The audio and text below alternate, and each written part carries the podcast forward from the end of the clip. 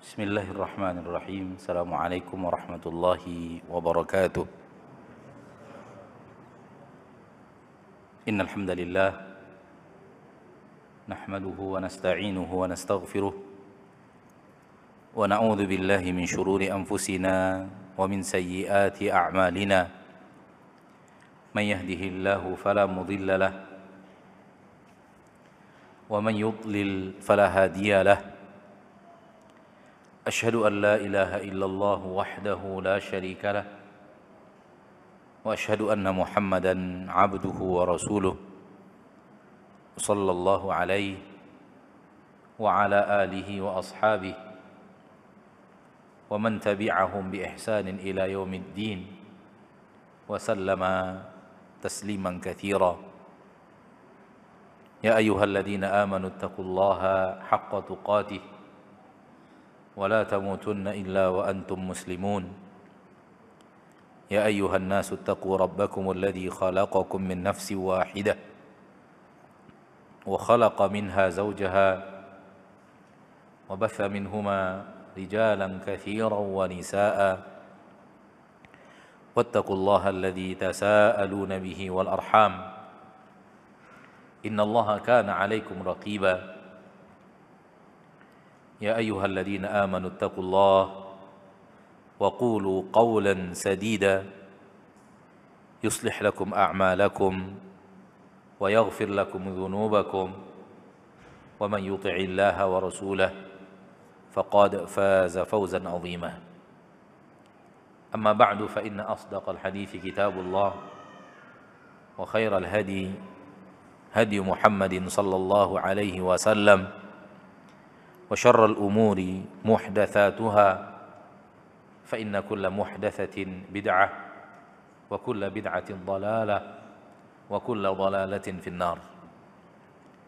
معاشر المسلمين معاشر المسلمات سودرا سودريكو رحمني ورحمكم الله.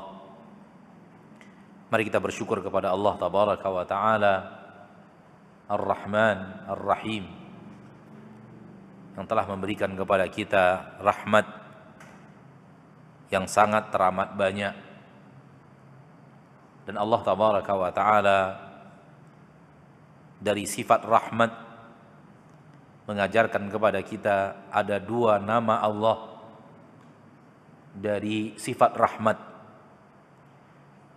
yang selalu kita baca di dalam Al-Qur'an Ar-Rahman Ar-Rahim. Dua nama Allah yang kedua-duanya berasal dari kalimat rahmat yang maha penyayang yang sering kita terjemahkan maha penyayang. Ar-Rahim juga maha pengasih maha pengasih dan maha penyayang. Dan kalau diterjemahkan ke dalam bahasa Arab sebenarnya dua-duanya artinya yang maha memiliki rahmat. Baik Ar-Rahman atau Ar-Rahim yang maha memiliki rahmat. Itulah makna Ar-Rahman. Ar-Rahim juga maknanya yang maha memiliki dan memberi rahmat. Dan dua-dua nama Allah itu dari sigatul mubalaghah. Sigat yang menunjukkan bahwa Allah sangat teramat banyak memberikan rahmat. Para ulama ketika berbicara nama Allah Ar-Rahman Ar-Rahim di dalam Al-Quran silahkan kembali kepada syarah-syarah surat Al-Fatihah terutama di tafsir Ibnu Kathir Al-Imam Ibnu Kathir bicara panjang lebar tentang Ar-Rahman dan Ar-Rahim. Intinya adalah Allah memiliki dua nama yang Allah sampaikan kepada kita. Yang berasal dari sifat rahmat. Yang kedua-duanya bermakna Allah yang maha mencurahkan dan memberi rahmat. Namun yang membedakan antara sifat yang ada sifat rahmat yang ada pada kalimat ar-rahman dan sifat rahmat yang ada pada kalimat ar-rahim bahwa Ar-Rahman adalah rahmat yang menyeluruh. Sementara Ar-Rahim adalah rahmat yang khusus. Dan itu diketahui bahwa Allah berfirman di dalam Al-Quran, wa kana bil mu'minina rahima. Allah kepada orang-orang yang beriman. Lalu Allah menggunakan nama Rahim. Berarti rahmat yang ada pada kalimat nama Allah Ar-Rahim, rahmat khusus untuk orang-orang yang beriman. Dan Rahman, Ar-Rahman rahmat yang ada pada kandungan nama Ar-Rahman ini rahmat yang menyeluruh. Tidak khusus untuk orang yang beriman. Maka rahmat Allah yang ada pada nama Allah Ar-Rahman adalah rahmat yang Allah berikan kepada semua makhluknya. Dan Allah tidak pilih-pilih. Apakah dia orang yang soleh? ataukah dia orang yang rajin berbuat maksiat ataukah dia orang yang kafir apakah dia orang yang Allah cintai Allah ridhoi atau musuh Allah sekalian akan Allah berikan rahmatnya. Rahmat yang Allah berikan kepada semuanya. Manusia, jin, malaikat, hewan-hewan, tanaman-tanaman,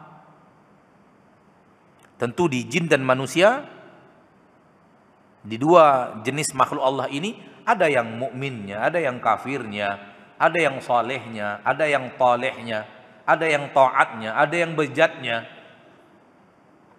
Itu hanya ada pada jin dan dan manusia. Namun semuanya Allah beri nikmat itu. Allah beri rahmat itu. Contohnya kata para ulama adalah rahmat diciptakan? Bukankah kita diciptakan itu adalah rahmat yang besar? Kalau kita tidak tidak diciptakan, maka kita tidak ada. Rahmat diberikannya kita makanan. Allah berikan kepada seluruh orang yang beriman, tidak beriman, orang mukmin, orang kafir. Rahmat yang bersifat oksigen.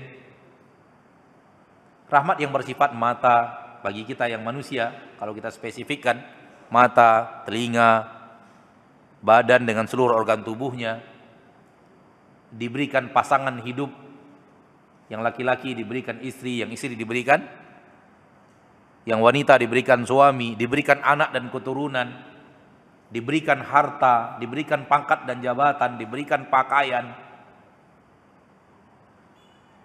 Semua orang dapat. Bahkan mungkin orang yang merupakan musuh Allah lebih banyak dapatnya dibanding orang yang dicintai Allah.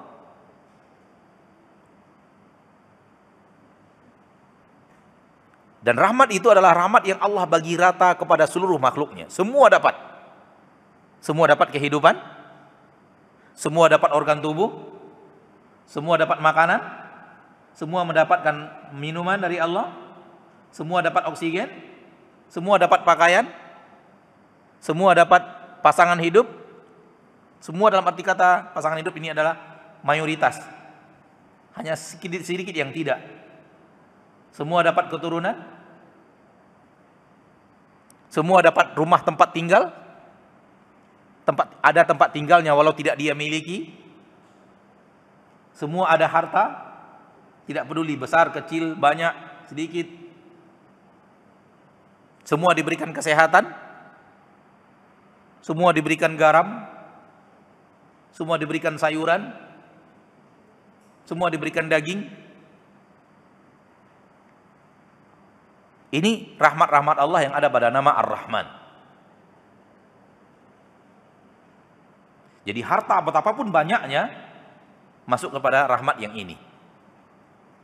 Pangkat dan jabatan, kekuasaan, popularitas nama yang nama yang tenar, masuk ke dalam rahmat ini.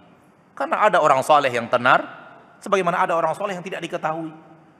Sebagaimana ada pelaku maksiat yang tidak diketahui, dan ada juga ada pelaku maksiat yang sangat tenar. Dan mungkin jumlah pelaku maksiat yang tenar di zaman kita sekarang ini lebih banyak dibanding yang yang yang yang, yang orang soleh yang tenar. Ala kulli hal semua dapat. Namun rahmat Allah yang pada pada nama Ar-Rahim dalam ayat yang tadi kita bacakan khusus untuk orang yang beriman. Wa kana bil mu'minin rahima. Allah menggunakan nama Ar-Rahim khusus untuk orang yang beriman. Berarti rahmat yang ada pada nama Ar-Rahim itu khusus rahmat untuk orang-orang yang beriman. Itu rahmat spesial yang tak sama dengan rahmat yang tadi. Apa contohnya? Contohnya adalah beriman kepada Nabi. Beriman kepada Al-Quran.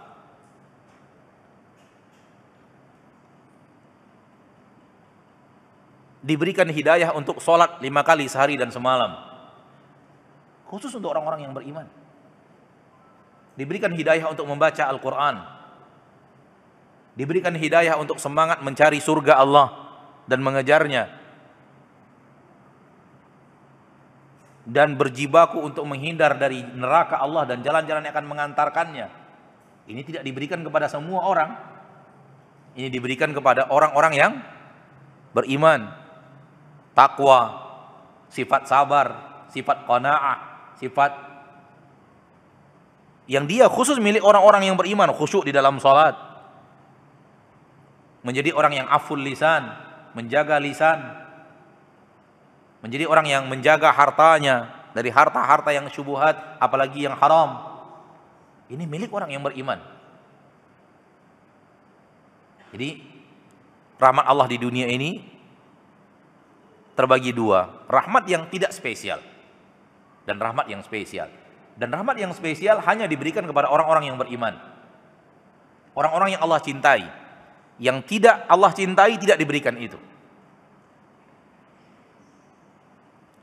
Kalau hitungan logika, harusnya Abu Jahal, pemimpin Mekah, harusnya lebih mendapatkan hidayah dibanding Bilal yang dia adalah budak.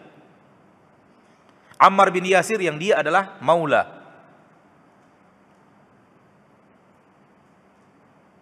Maula itu adalah budak yang sudah dibebaskan. Awalnya budak, lalu dibebaskan. Maula namanya dalam dalam istilah Arab. Kalau yang budak ya memang belum dimerdekakan. Harusnya pemimpin-pemimpin Mekah selevel Abu Jahal, selevel ayahnya Khalid bin Walid, yaitu Walid bin Mughirah, orang cerdas, pemimpin, orang terdepan, orang yang intelektualnya tinggi dibanding budak-budak. Akan tetapi Ternyata ketika Allah memberikan hidayah spesialnya, Allah pilih orang-orangnya. Dan kata para ulama, jangan iri terhadap orang yang Allah berikan rahmat, yang rahmat itu rahmat yang tidak spesial. Tapi irilah, iri dalam makna yang positif ya, ghibtah dalam bahasa Arab, irilah kepada orang yang Allah berikan kepadanya rahmat spesial. Rahmat khusus untuk orang-orang yang Allah cintai. Irilah kepada orang yang rajin salat, rajin sedekah. Irilah kepada orang-orang yang rajin Al-Qur'an, hafal Al-Qur'an. Irilah kepada orang-orang yang rajin untuk mengkhatamkan Al-Qur'an. Apalagi dia hafiz Quran, khatam setiap dalam sebulan mungkin dia bisa dua, tiga atau empat sampai lima kali khatam. Iri, kenapa? Ini rahmat khusus. Rahmat spesial. Sementara rahmat yang dia adalah bukan rahmat khusus, rahmat yang yang yang umum, harta, tahta,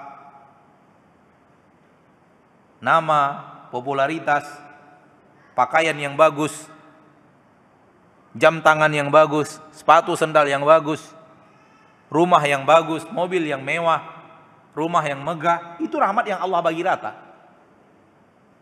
Paras yang cantik, tampan rupawan, Allah bagi rata. Orang mukmin punya, orang kafir juga punya. Jangan lihat itu dan jangan iri, iri dalam arti ghibtah ingin punya seperti itu. Tapi irilah kepada orang yang Allah berikan kepadanya rahmat khusus. Jadi kalau antum intim in, ngiri, ngirilah kepada orang yang rajin sholat dibanding orang yang punya mobil mewah. Irilah kepada orang yang rajin membaca Al-Quran dibanding orang yang punya rumah besar, megah. Karena rumah dan harta tadi, mobil tadi itu rahmat biasa. Bukti biasanya Allah bagi rata seluruh makhluknya. Allah tidak lihat yang muslim, tidak muslim, kafir, mukmin, taat, bejat, patuh dan taat, durjana, Allah bagi.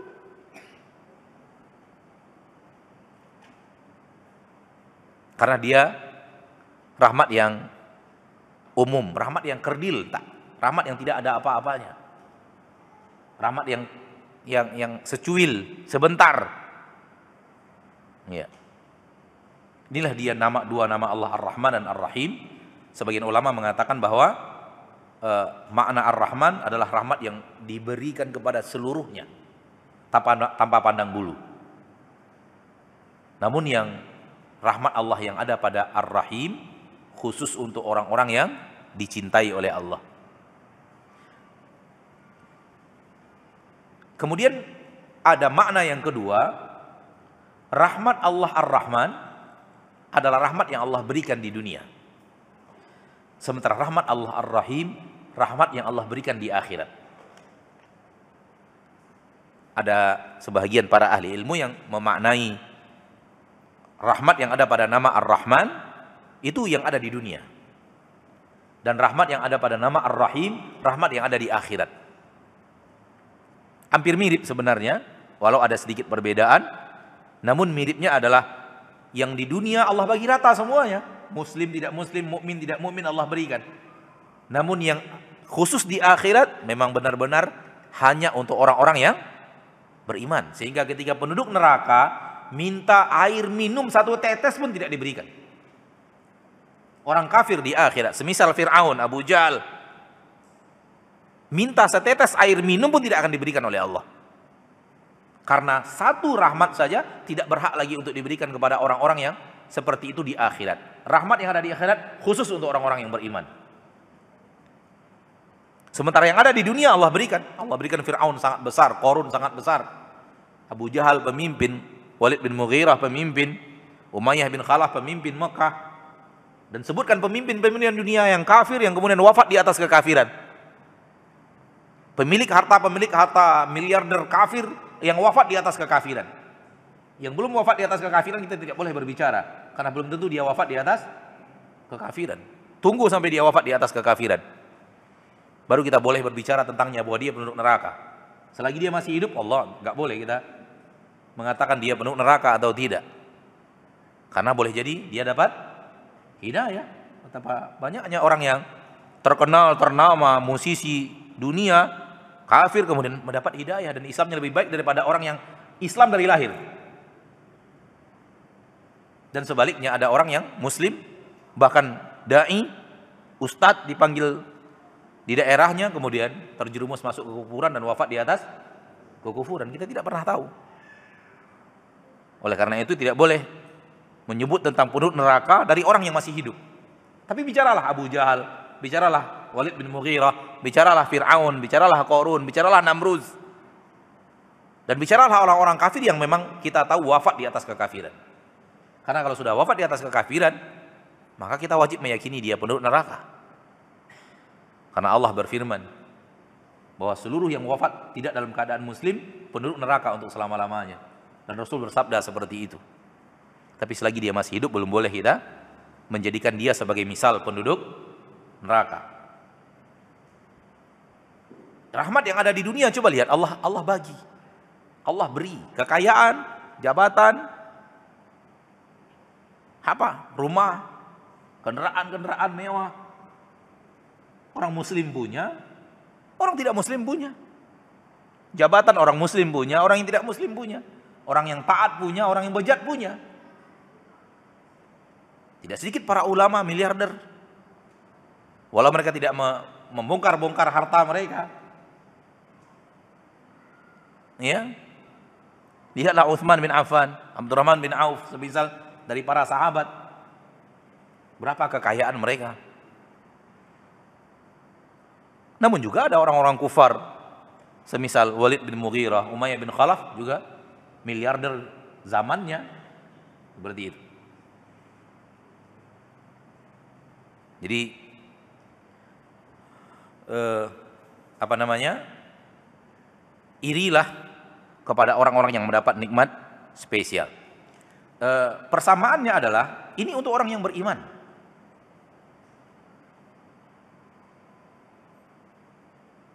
Perbedaannya, perbedaan dua pendapat tadi yang satu mengatakan khusus yang beriman berfungsi di dunia, ada di dunia.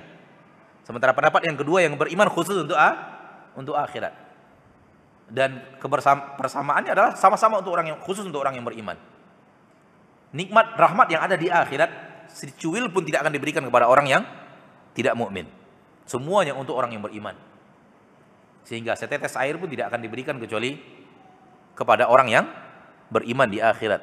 Kita tahu di dalam Al-Quran, penduduk neraka bertanya, meminta air kepada penduduk surga, meminta sebahagian yang diberikan Allah kepada penduduk surga. Jawabannya innallaha harramahuma 'alal kafirin. Allah telah mengharamkan itu untuk orang-orang kafir. Tak ada satu nikmat pun untuk orang kafir di akhirat. Dan kalau ataupun kita bicara nikmat yang tadi kita bicarakan Al-Quran, salat khusyuk, iman, beriman, sabar, menjadi orang yang qanaah, semuanya amalan akhirat toh? Betul tidak? Semuanya amalan amalan akhirat. Sabar untuk akhirat. Qanaah untuk hidup seorang yang beragama, untuk kehidupan akhiratnya, rajin berinfak, bersedekah juga amalan akhirat, rajin sholat, rajin membaca Al-Quran, rajin duduk di pengajian, rajin berinfak dan bersedekah, rajin peduli kepada orang-orang yang lemah, fakir miskin, yatim piatu dan semacamnya. Amalan akhirat bukan amalan dunia itu. Di sini letak persamaan dari dua pendapat tadi. Intinya adalah ada rahmat yang umum dan itu bukan rahmat yang yang spesial. Ada rahmat yang khusus. Jauhkan mata kita tertipu kepada orang yang diberikan Allah rahmat tapi rahmat umum. Rahmat biasa-biasa tidak tidak rahmat khusus. Dan kalau ingin iri, irilah kepada orang yang memiliki rahmat rahmat khusus. Bukankah Nabi sudah berkata, tidak ada hasad kecuali untuk dua orang. Orang yang Allah berikan kepadanya Al-Quran dan dia membacanya siang dan malam. Dan orang yang Allah berikan kepada dia harta, kemudian dia infakkan hartanya di jalan Allah Subhanahu wa taala. Ini yang seperti ini. Ini ingin punya amalan yang seperti itu. Adapun punya harta, punya tahta, punya kendaraan mewah, rumah, jangan irikan. Namun kebanyakan manusia di zaman sekarang ini justru mengirikan nikmat-nikmat yang kerdil dan kecil itu. Namun kalau sudah bicara nikmat khusus, mereka justru tidak ada iri-irinya. Merasa apa yang sudah ada pada dirinya sudah cukup. Bahkan mereka mengatakan kalau beragama jangan berlebihan lah. Biasa-biasa saja. Subhanallah. Justru bukankah beragama itu harusnya spesial? Ya. Ikhwani wa akhwati fiddin rahimani rahimakumullah. Uh, mungkin terlalu panjang untuk sebuah mukaddimah akan tetapi ini sesuatu yang bisa kita sampaikan karena memang materi yang akan kita sampaikan pada kesempatan yang berbahagia ini tidak terlalu panjang juga. Oleh karena itu anak sedikit sedikit memperpanjang di mukaddimah. Bab kita pada malam hari ini di dalam kitab Sahih Muslim, babu jawazi qat'i asyjaril kufari wa tahriqiha bab tentang bolehnya memotong pohon-pohon orang kufar dan bolehnya membakar pohon tersebut. Sebagaimana yang kita ketahui bab kita tentang bab perang. Bab adab yang berhubungan dengan perang yang diajarkan apa yang dibolehkan apa yang tidak dibolehkan. Pada hukum asalnya, hukum asalnya dibiarkan pohon seperti itu agar manfaatnya ada. Namun apabila seorang amir, pemimpin memandang untuk membakarnya dibolehkan juga. Dibolehkan juga. Namun hukum asalnya Hukum asalnya adalah dibiarkan pohon tersebut, apalagi pohon yang ada manfaat. Semacam pohon berbuah, kurma misalnya kalau di zaman Rasul tercinta Sallallahu Alaihi Wasallam yang menyebar di zaman itu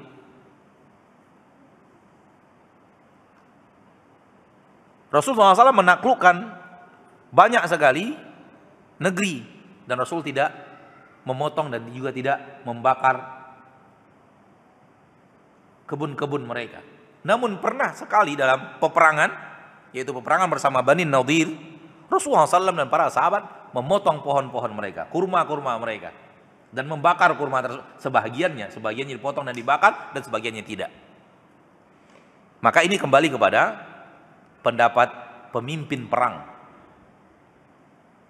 Ya.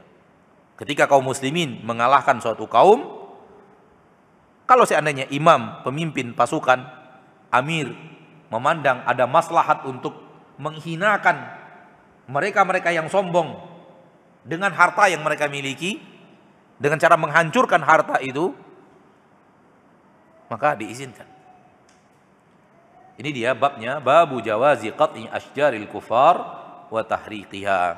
Imam Muslim bin Hajjaj bin Muslim Al-Qushairi An-Naisaburi berkata, Haddathana Yahya ibnu Yahya wa Muhammad ibnu Rumh qala akhbarana Al-Laits ha wa haddathana Qutaibah ibnu Sa'id qala haddathana Laits an Nafi' an Abdullah dari Nafi' dari Abdullah. Kalau sudah dari Nafi' dari Abdullah berarti Abdullah itu adalah Abdullah ibnu Umar. Karena Nafi adalah maula dari Abdullah ibnu Umar. Dari Abdullah ibnu Umar anna Rasulullah SAW bahwasanya Rasulullah sallallahu alaihi wasallam harraqa nakhla Bani Nadir wa qata' bahwa Nabi sallallahu alaihi wasallam membakar kebun kurma Bani Nadir wa qata' dan Rasulullah SAW memotong pohon tersebut dan membakarnya. Wahia al-Buwairah, nama tempat. Nama tempat pepohonan tersebut disebut dengan nama al-Buwairah. Zada Qutaibah ibnu wabnu Rumah fa'anzalallahu azza wa jal Allah turunkan dalam masalah tersebut firman Allah tabaraka wa ta'ala dalam surah Al-Hasyr ayat 5 ma qata'tum min linatin aw taraktumuha qa'imatan ala usuliha fa bi iznillahi wal yukhziyal fasiqin apa pun yang kalian potong dari pohon. Dan apa pun yang kalian tinggalkan pohon tersebut tetap berdiri di atas akar-akarnya. Apa pun yang kalian potong dari pohon dan apa pun yang kalian tinggalkan tetap berdiri artinya tidak dipotong ala usuliha di atas akar-akarnya. Artinya tetap berdiri tegak. Kalian biarkan berdiri tegak di atas akar-akarnya tidak disentuh tidak di tidak dipotong fabi iznillah semua itu dengan izin Allah. Waliyukhziyal fasiqin. Dan untuk dengannya Allah menghinakan orang-orang yang fasik karena badin nadir sombong. Bani Nadir sombong dan kemudian me, me, mengingkari perjanjian damai bersama Nabi Sallallahu Alaihi Wasallam. Bani Nadir adalah sekelompok kaum Yahudi, bisnismen di kota Madinah. Ada tiga kelompok Yahudi besar di kota Madinah. Bani Nadir, Bani Quraidah, dan Bani Qainuqa. Ada tiga kelompok besar Yahudi di kota Madinah. Bani Qainuqa, Bani Nadir, dan Bani Quraidah. Dan cerita ini pada Yahudi Bani Nadir. Yahudi Bani Nadir. Di mana mereka memiliki benteng pertahanan yang kuat menurut mereka. Mereka memiliki harta yang cukup untuk berada di di, di dalam benteng mereka bertahan dari dari kaum muslimin dan kemudian mereka me, mengingkari perjanjian damai mereka bersama Nabi sallallahu alaihi wasallam untuk tidak saling menyerang, untuk tidak saling khianat. Dan akhirnya Nabi SAW memerangi Bani Nadir. Dan mereka bertahan di atas, di dalam benteng mereka yang sangat kuat. Dan mereka mengira bahwa kaum muslim tidak akan mampu untuk me, me, me, apa namanya menembus benteng pertahanan mereka. Saking mereka, mereka yakinnya akan kekuatan benteng pertahanan mereka. Mereka membuat perkampungan mereka itu memang di, di, dikelilingi oleh benteng-benteng yang sangat kokoh. Silahkan kalau ingin me, membaca tafsirnya secara panjang lebar dalam surah Al-Hasyr. Allah bicara tentang panjang lebar dalam surah Al-Hasyr. Silahkan kembali kepada kitab tafsir berhubungan dengan peperangan Bani An-Nadir. Peperangan Bani Nadir. Dan mereka petantang petenteng dan merasa harta mereka cukup, kebun mereka luas, kebun kurma mereka cukup untuk seberapa lama pun Muhammad dan pasukannya memboikot di luar mereka Akhirnya Allah tabaraka wa taala taklukkan Bani Nadir untuk rasulnya sehingga mereka disuruh untuk meninggalkan kampung mereka dan diizinkan untuk membawa harta mereka hanya seberapa yang bisa diangkut oleh unta mereka. Boleh ambil bawalah. Bawa harta kalian seberapa yang kalian sanggup bawa. Akhirnya mereka pun sebagian mereka membongkar rumah mereka sendiri. Konsen-konsen pintu mereka bongkar untuk mereka pindahkan ke tempat lain untuk dinaikkan di atas unta mereka. Akhirnya yang mereka anggap bahwa benteng mereka kokoh, rumah mereka aman, mereka sendiri yang menghancurkan rumah mereka. Dengan tangan mereka sendiri. Maksudnya menghancurkan rumah itu seperti tadi, diangkat, di, di, diambil sebagian dari isi rumah itu seperti konsennya, konsen rumah itu diambil. Di zaman dulu kayu, apalagi di zaman Nabi tak sama dengan kita yang hidup di negeri yang penuh dengan pohon ini. Kayu itu begitu berharga di zaman itu. Di negeri yang seperti itu maksudnya. Ana menyaksikan pembangunan di ketika berada di sana dahulu. Itu kalau antum tahu, itu kayu itu di, di, di, disusun dan tempat menyusunnya plat besi, plat baja, plat apa namanya? Plat besi disusun di atas di dalam susunan plat besi itu untuk yang disimpan yang dikirim di, di dalam plat besi itu apa? Kayu. Kalau kita kan terbalik ya. Kayu justru harganya tidak seberapa dibanding dibanding besi. Karena di sana negeri yang sangat tandus. Akhirnya mereka bongkar rumah mereka, mereka angkat pintu mereka, mereka angkat kunsen mereka untuk mereka bawa ke, ke negeri yang tempat mereka akan hidup di sana. Yang mereka kira bahwa benteng pertahanan mereka kokoh, harta mereka banyak, tanaman mereka cukup, dan untuk menghinakan mereka itulah Rasulullah SAW memotong sebahagian daripada daripada pohon-pohon mereka dan membakarnya untuk menghinakan mereka. Lihat ayat waliyukhziyal fasiqin. Agar dengannya Allah menghinakan siapa? Orang-orang fasik. Jangan sombong kalian dengan harta kalian ini. Ini yang membuat kalian durhaka kepada Allah. Ini yang membuat kalian ingkar, kufar kepada Rasulullah SAW, kufur kepada Rasulullah SAW. Ini yang harta ini yang pohon-pohon ini yang membuat kalian merasa adalah orang-orang yang bisnismen handal, orang-orang yang punya harta berlebih akhirnya dipotong dan dibakar sebagiannya oleh Nabi dan para sahabat. Dan turunlah firman ayat ini. Ya dibolehkan untuk e, memotong pohon-pohon orang kafir, membakarnya kalau memang dilihat ada ada hajat di sana. Namun hukum asalnya pohon itu apalagi yang bermanfaat, kurma dan tanaman-tanaman buah yang akan mendatangkan manfaat, hukum asalnya dibiarkan. Akan tetapi kalau amir, pemimpin perang umat Islam yang mengalahkan orang-orang kufar memandang adanya aksi untuk meluluh lantakkan hati mereka, menghinakan mereka dengan menghancurkan harta-harta tersebut, maka diizinkan. Diizinkan untuk dibolehkan untuk memotong. Intinya adalah bukan setiap perang kemudian bertemu pohon orang kafir di, di, di, dipotong, tidak. Mayoritas perang Nabi itu tidak tidak memotong pohon. Namun di di, di, di, di perang Bani Nadir Maka Nabi SAW melakukan sesuatu yang yang yang tidak Rasul lakukan di perang-perang yang lainnya, yaitu Nabi SAW eh, memotong pohon, membakarnya, tidak semuanya juga, ada yang dipotong, ada yang dibiarkan, ada yang dibakar, ada yang tidak, agar orang-orang Bani Nadir yang sombong dengan harta dan, dan, dan pepohonan mereka yang banyak, yang ranum, yang mereka adalah bisnismen, petani-petani sukses, yang mereka anggap harta mereka ber, itu sesuatu hal yang luar biasa, Allah hinakan dengan mereka melihat sendiri pohon-pohon itu dipotong oleh Nabi dan para sahabat, dibakar oleh Nabi dan para sahabat. Dan itu membuat sedih.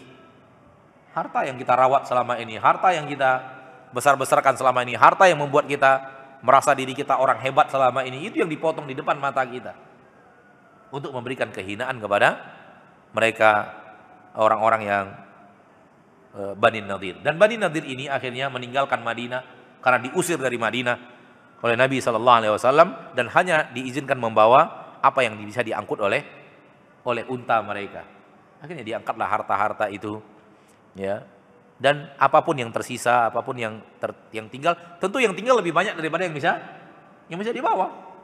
Ter, apalagi kebun, kebun tidak mungkin bisa dibawa. Semua kebun itu milik milik kaum muslimin. Milik kaum muslimin dan itu menjadi uh, fai. Itu menjadi fai.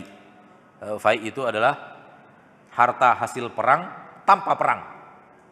Hasil hasil, hasil perang tanpa perang. Tahu artinya? Faham arti harta hasil perang yang dihasilkan tanpa ada perang.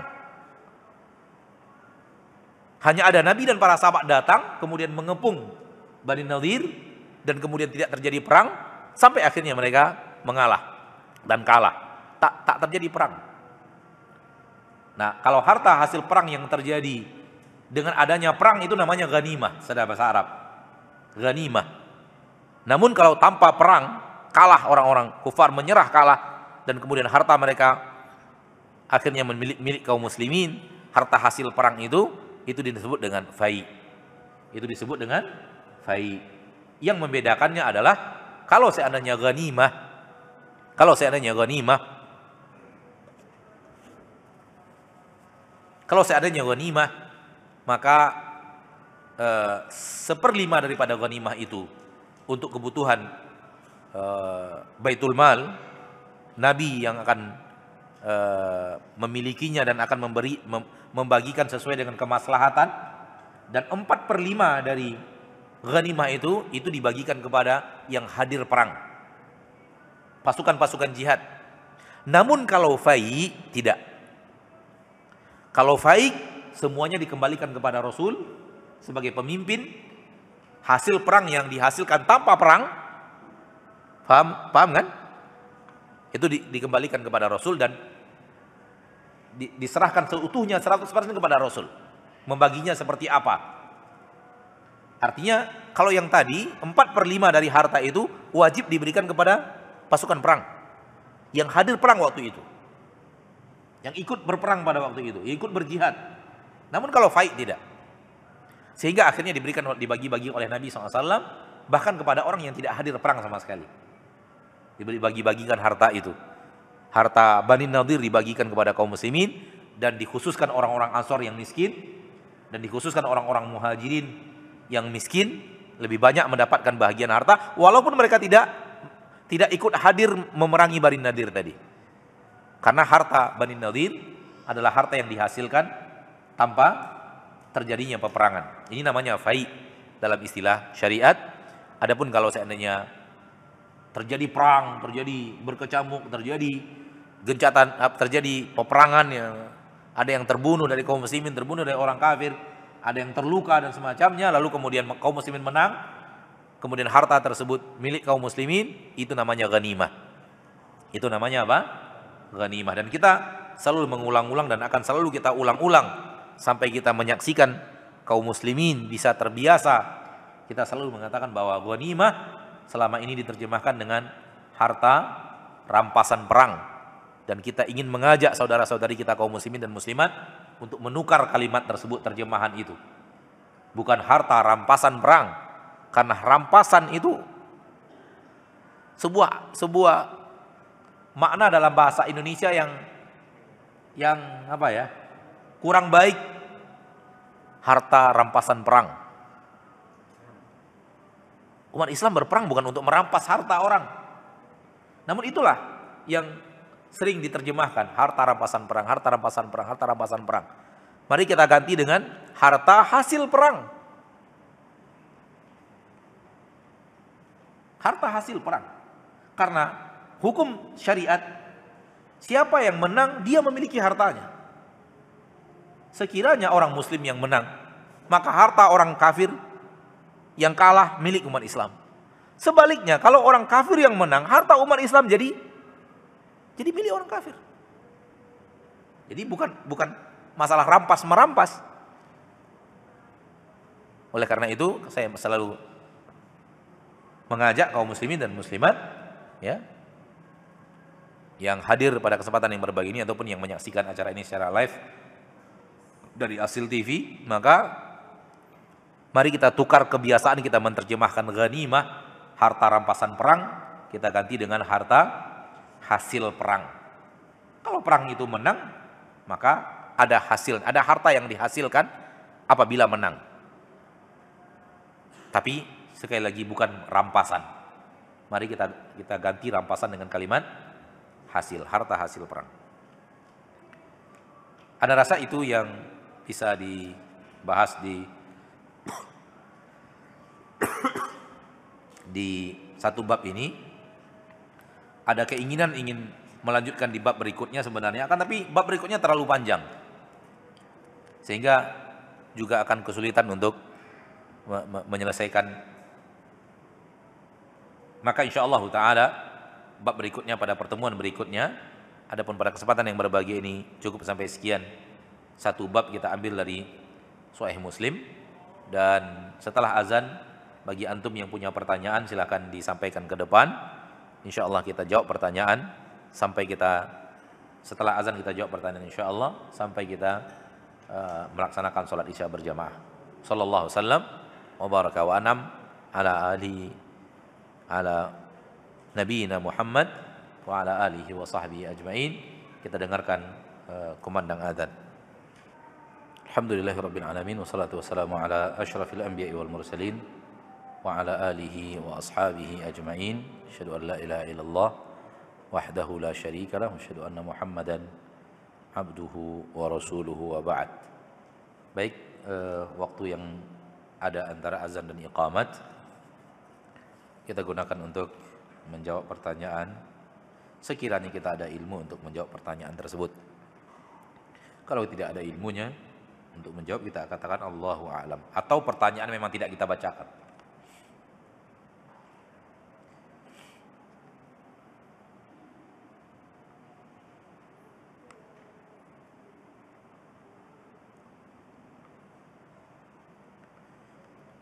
Pertanyaan pertama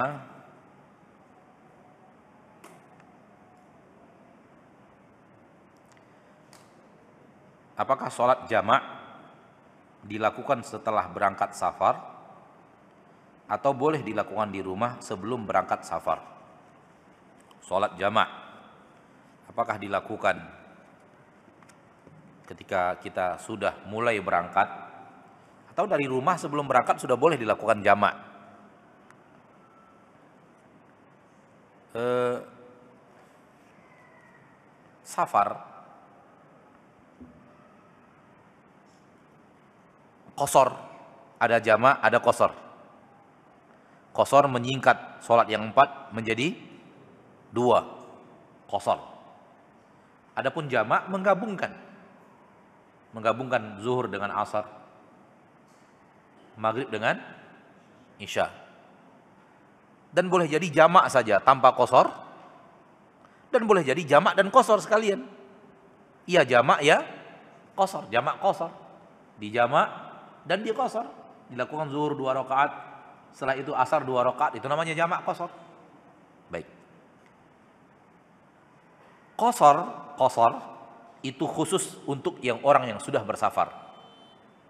Khusus untuk orang yang sudah bersafar.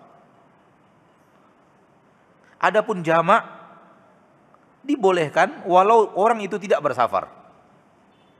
Walau orang itu tidak bersafar. Jadi ketika ditanyakan tadi apakah jamak harus sudah mulai safar baru boleh jamak? Kita katakan tidak. Boleh dari rumah? Boleh. Misalnya kita akan berangkat ke Jakarta dari Pekanbaru, perkiraan pesawat jam setengah tiga. Lalu kita sholat zuhur di rumah. Antara kita dan dan bandara hanya 15 menit. Lalu kita sholat zuhur di rumah sudah bolehkah kita menjamak? Boleh. Karena prediksi kita terbesar adalah eh, sholat asar kita sudah di perjalanan. Ya. Maka kita jamak. Zuhur kita lakukan empat rakaat. Setelah itu kita lakukan asar empat rakaat. Apakah boleh ketika di rumah tadi kita belum mulai safar nih? Kita lakukan zuhur dua rakaat, empat rakaat, karena asar nanti prediksinya adalah perjalanan, maka kita lakukan dua rakaat. Boleh tidak? Tidak boleh. Kenapa? Karena kita belum safar. Kosor hanya untuk orang yang sudah bersafar. Sudah mulai bersafar dia, sudah boleh kosor. Tapi selagi dia masih belum safar, hanya boleh jamak. Hanya boleh jamak. Maka dia sholat zuhur dua rakaat, empat rakaat, kemudian dia sholat asar empat rakaat. Sudah sudah dia jamak. Diizinkan bagi orang yang walaupun dia belum safar, tapi menjamak. Bahkan Nabi Shallallahu Alaihi Wasallam ketika uh, udara sangat terik panasnya, Nabi menjamak sholat bersama para sahabat. Dijamak antara zuhur dan asar. Karena itulah saat-saat teriknya matahari. Sehingga sulit bagi manusia untuk datang zuhur, kemudian datang lagi asar. Dijamak. Hujan dijamak. Maka padahal Nabi tidak safar, tapi di jamak boleh.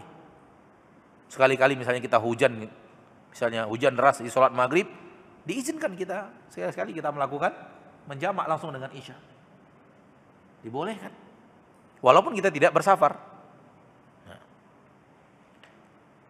Namun katakanlah kita sudah jamak, zuhur sudah empat rakaat tadi di rumah, kemudian asar empat rakaat, kemudian kita pergi ke bandara dan kemudian setengah tiga rencana jadwal penerbangan kita take off pesawat kita take off. Qadar Allah delay dua jam. Akhirnya awalnya jam setengah tiga berubah menjadi jam setengah lima. Sudah masuk waktu asar dan kita sudah sholat asar tadi. Sering orang bingung di sini dia sholat asar lagi apa tidak. Kita katakan tidak boleh ada dua kali sholat asar dalam satu hari.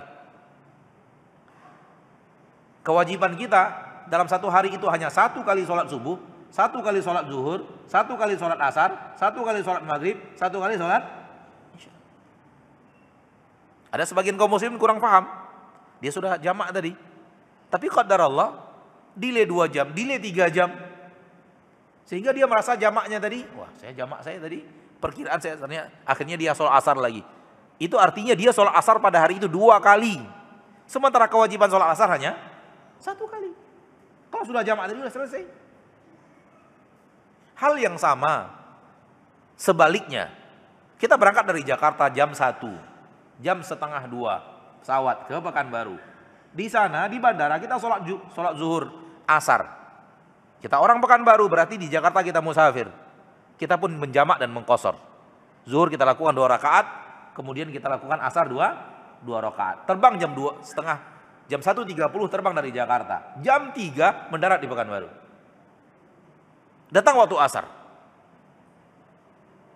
Tadi kita sudah sholat jamak dan kosor di Bandara Soekarno-Hatta. Di ruang tunggu Bandara Soekarno-Hatta, di, di musolanya. Sampai di Pekanbaru jam 3, waktu asar pun belum masuk sama sekali. Karena waktu asar masuk sekitar, katakanlah jam setengah 4, 3.30, kita mendarat jam 3. Ketika masuk waktu asar, kita tidak boleh lagi sholat asar. Kenapa? Kita sudah sholat asar. Kalau kita lakukan lagi sholat asar, berarti kita sholat asarnya dua, dua kali. Maka kewajiban sholat hanya satu kali sehari. Jangan salahkan, jangan salah artikan. Nanti ada lagi yang merekam, dipotong, lihat ustadz ini, sholat hanya sekali sehari. Wajib itu hanya sekali sehari, maksudnya sekali subuh, sekali zuhur, sekali asar, sekali maghrib, sekali isya. Belum lama ini, belum lama ini, hitungan beberapa hari sebelum ini, ada saudara kita yang yang bertanya, Ustaz tadi saya sudah sholat asar sudah jamak, tapi Allah batal perjalanan saya dan diundur sekian jam. Tadi saya sudah jamak asar, apakah saya asar lagi? Saya terlambat menjawab. Ketika saya jawab, boleh, eh tidak, jangan asar lagi, tidak boleh. Qadar Allah saya sudah lakukan Ustaz.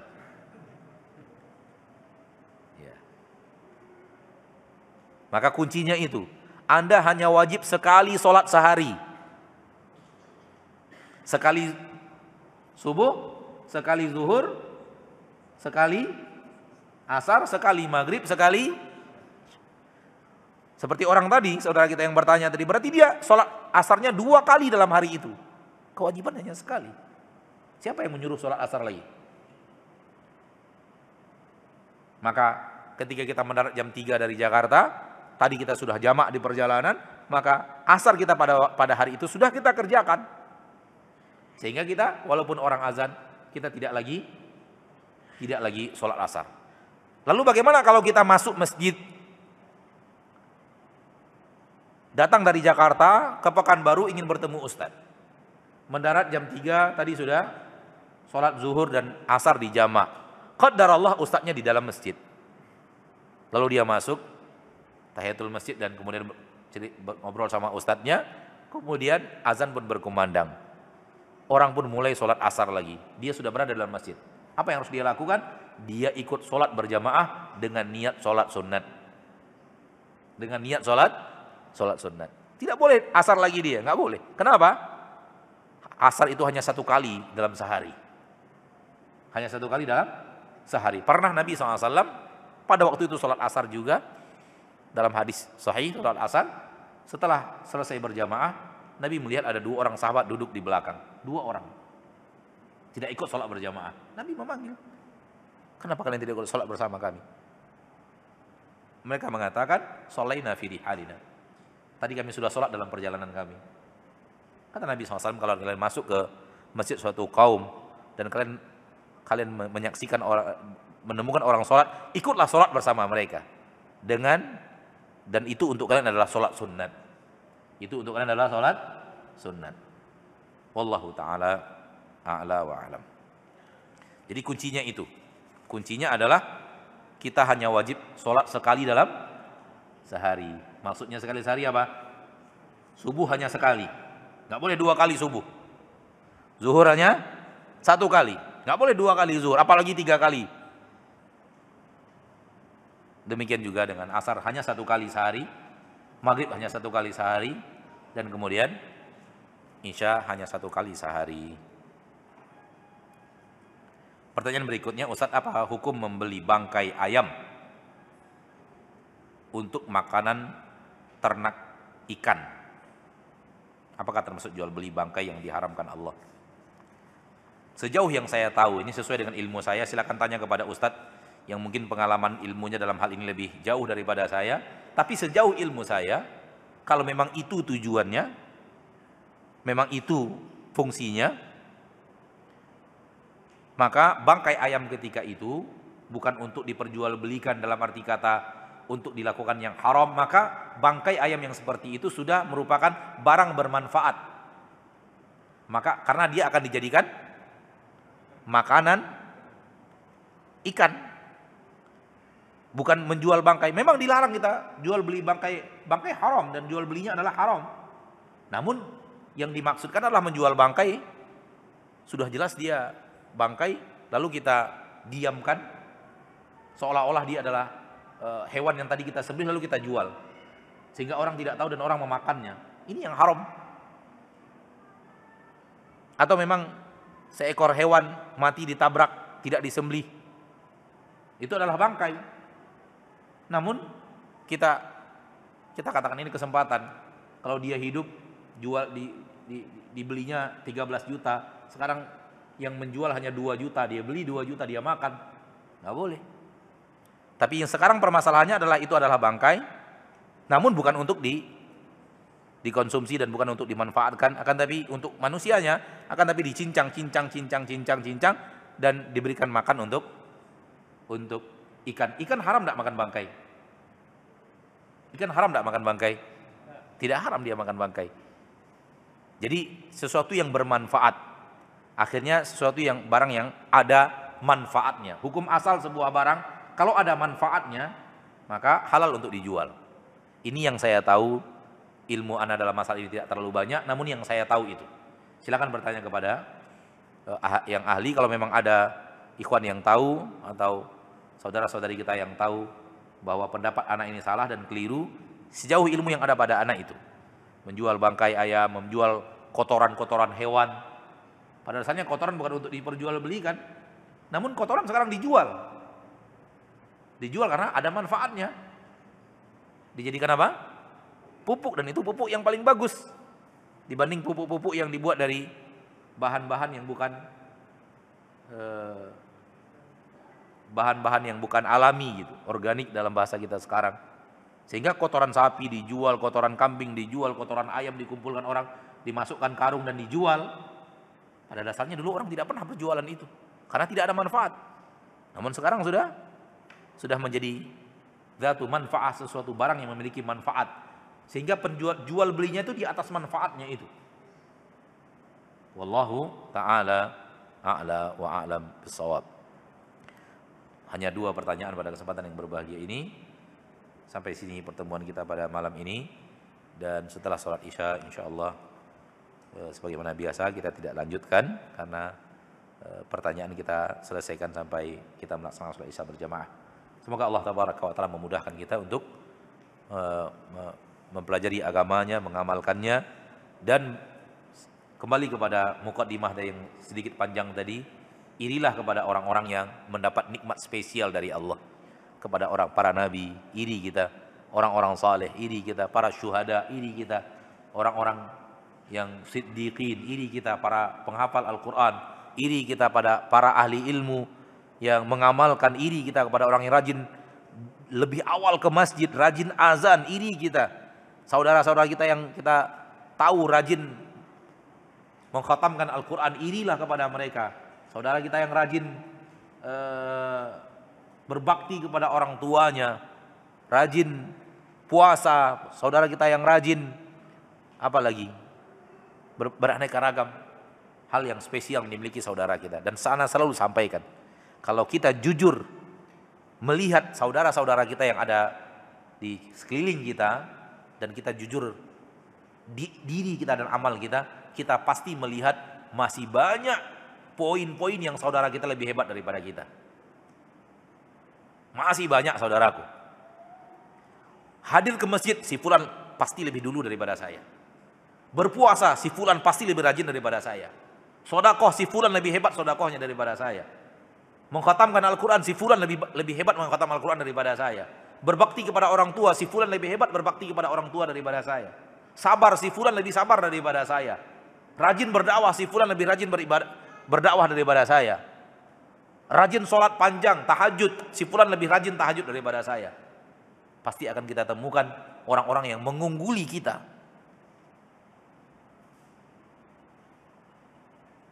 Begitu harusnya kita hidup. Jangan kemudian Sebaliknya, oh saya sudah begini, saya sudah begini, si fulan gak ada apa-apanya, si fulan tidak ada apa, si anu tidak ada apa-apa, orang ini tidak ada apa-apanya. Seharusnya kalau kalau dalam ibadah tidak seperti itu. Lihat saudara kita yang rajin adzan. Demi Allah, saya mengenal sebagian saudara-saudara kita hidup di Pekanbaru ini orang yang paling rajin datang ke masjid dan paling rajin adzan. Dan di mana-mana kita bertemu dia suara dia lah yang azan kalau kalau di masjid itu bertemu kita dengan dia.